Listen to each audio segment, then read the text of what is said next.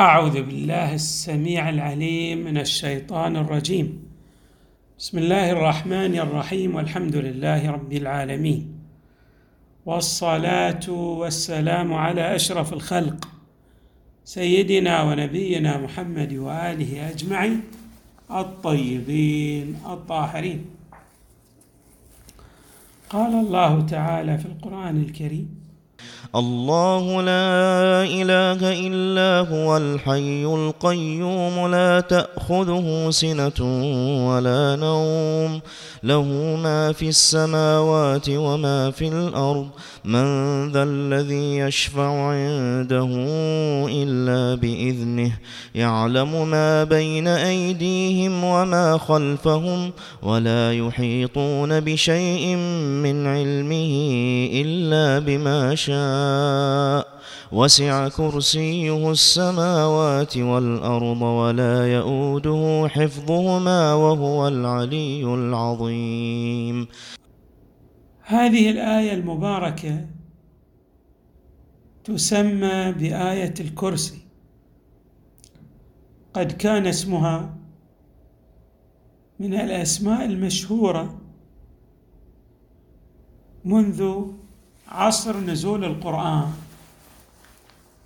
وقد ورد في هذه الآية المباركة كثير من الأحاديث التي تبين عظمة هذه السورة. مثلا أنها أعظم آية نزلت في القرآن الكريم. أعظم آية هي آية الكرسي. أو أن سيد القرآن هو البقرة. وسيدة البقرة يعني الآية السيدة هي آية الكرسي. والروايات الواردة في فضلها كثيرة. ولقراءتها آثار متعددة. حظت الروايات على قراءتها قبل النوم. وكذلك على قراءتها في الأخطار للأمن في الأخطار خصوصا في أخطار الأسفار. وكذلك أيضا حظت الروايات على قراءتها عند النوم. وأيضا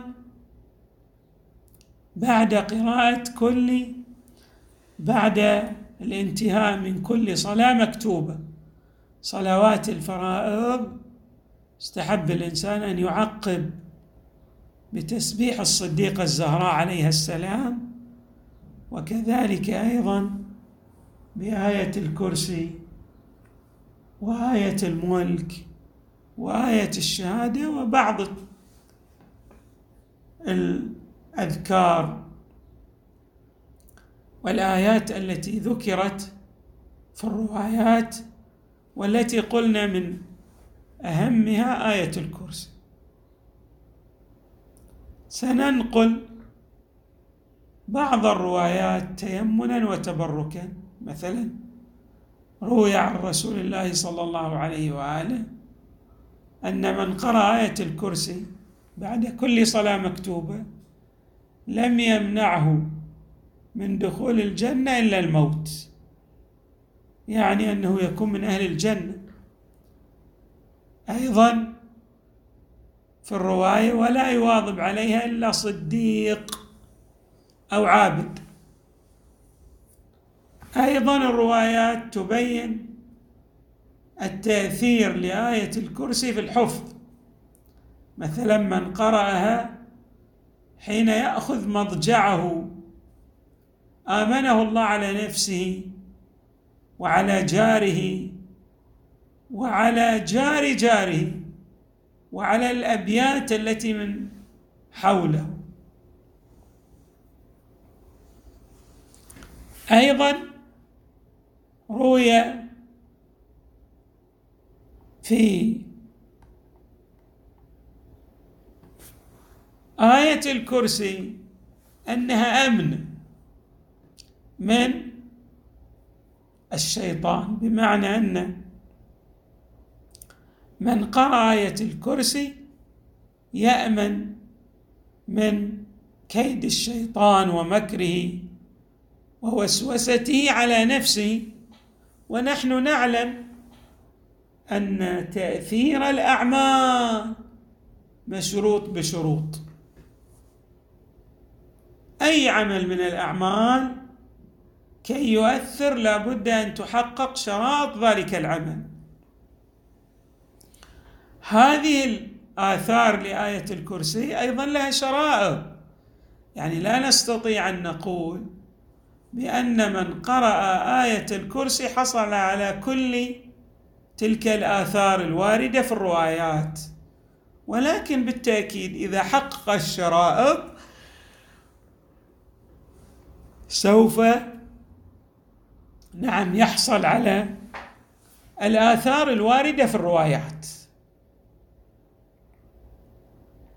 مثلا من هذه الآثار أن من قرأ أول البقرة وآية الكرسي والآيتين اللتين بعد آية الكرسي نعم والآيات الاخيره من سورة البقرة. لم يرى في نفسه ولا في ماله شيئا يكرهه ولا يقترب منه الشيطان. ولهذه الآيات أثر أثرها أنه إذا حفظ شيئا من القرآن وكان يداوم على قراءة هذه الآيات فإن الله يجعل حفظه ثابتا. أيضا من الروايات الواردة أن نعم من قرأ آية الكرسي محي اسمه من ديوان الأشقياء بمعنى أن لها تأثير في هداية الإنسان. طبعا بعضها مربوط أيضا بقراءة الآيات التي بعدها إلى هم فيها خالدون. وروايات كثيرة مثلا رواية عن رسول الله صلى الله عليه وآله أنه خاطب عليا عليه السلام وقال له عليك بقراءة آية الكرسي فإن في كل حرف منها في كل حرف ألف بركة. فإن في كل حرف ألف بركة ورحمة. وروايات في هذا الصدى. نعم.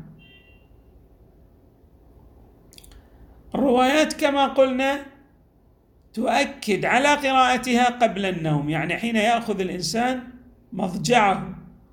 وكذلك في أدبار الفرائض وعند الأخطار بالخصوص الأخطار التي تكون في السفر. نعم. فلذا حري بالمؤمن حري بالمؤمن أن تكون آية الكرسي أن تكون آية الكرسي من أوراده. إذا كان له أذكار يجعل هذه الآية المباركة من جملة أذكاره. نعم. رواية أيضا وردت عن إمامنا الباقر عليه السلام في فضل قراءتها أن من قرأ آية الكرسي وهو على وضوء مرة واحدة أعطاه الله ثواب أربعين عاما. من العباده ورفع له أربعين درجة. وزوجه الله تعالى أربعين من الحور العين. طبعا كل هذه الروايات تبين فضل آية الكرسي وعظمة آية الكرسي. إذا كان لآية الكرسي هذا الفضل العظيم. حتى ورد أنها مثلا هي تشتمل على الاسم الأعظم. فهذا الفضل العظيم مربوط بما ورد في كلمات آية الكرسي من المعاني. بمعنى ان أن آية الكرسي فيها معان عظيمة. حري بالمؤمن أن يلتفت إلى عظمة تلك المعاني الواردة في آية الكرسي. ولنبدأ بذكر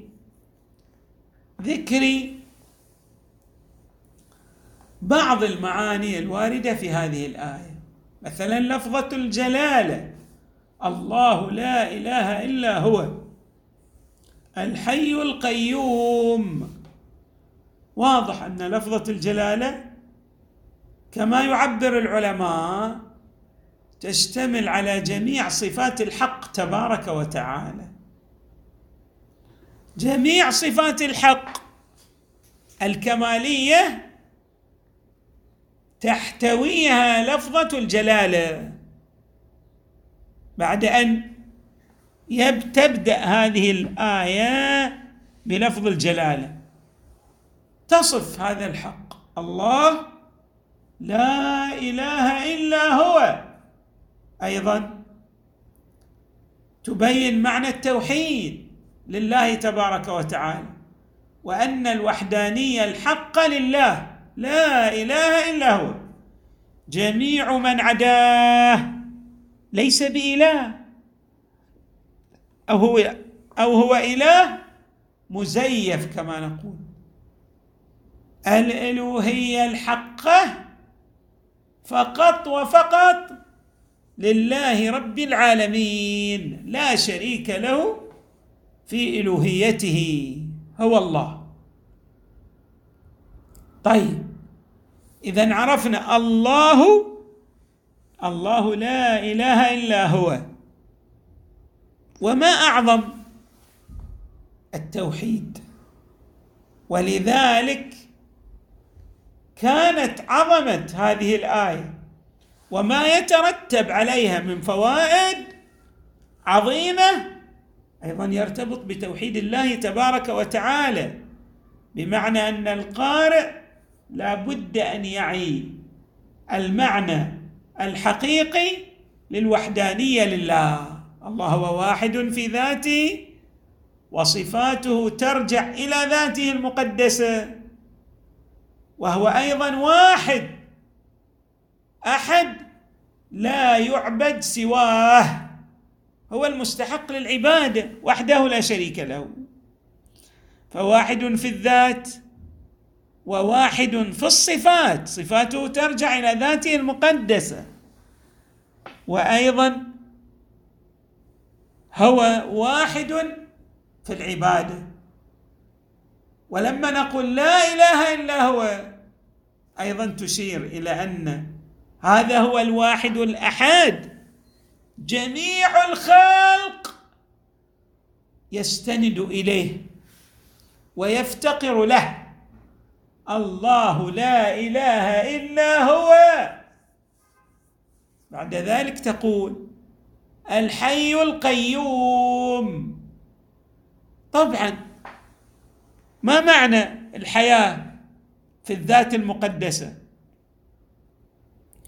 ممكن أن نفسر الحياة في الذات المقدسة بأكثر من معنى لكنها هذه المعاني التي سنشير إليها ترجع إلى نعم إلى أن هذه الذات المقدسة المتصفة بالوحدانية اشتملت على هذه الحياة التي لا يشبهها شيء.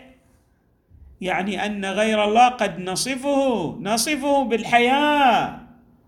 ولكن الحياة للذات المقدسة تختلف عن الحياة التي يتصف بها غيره لأن حياة الغير جائية من غيره.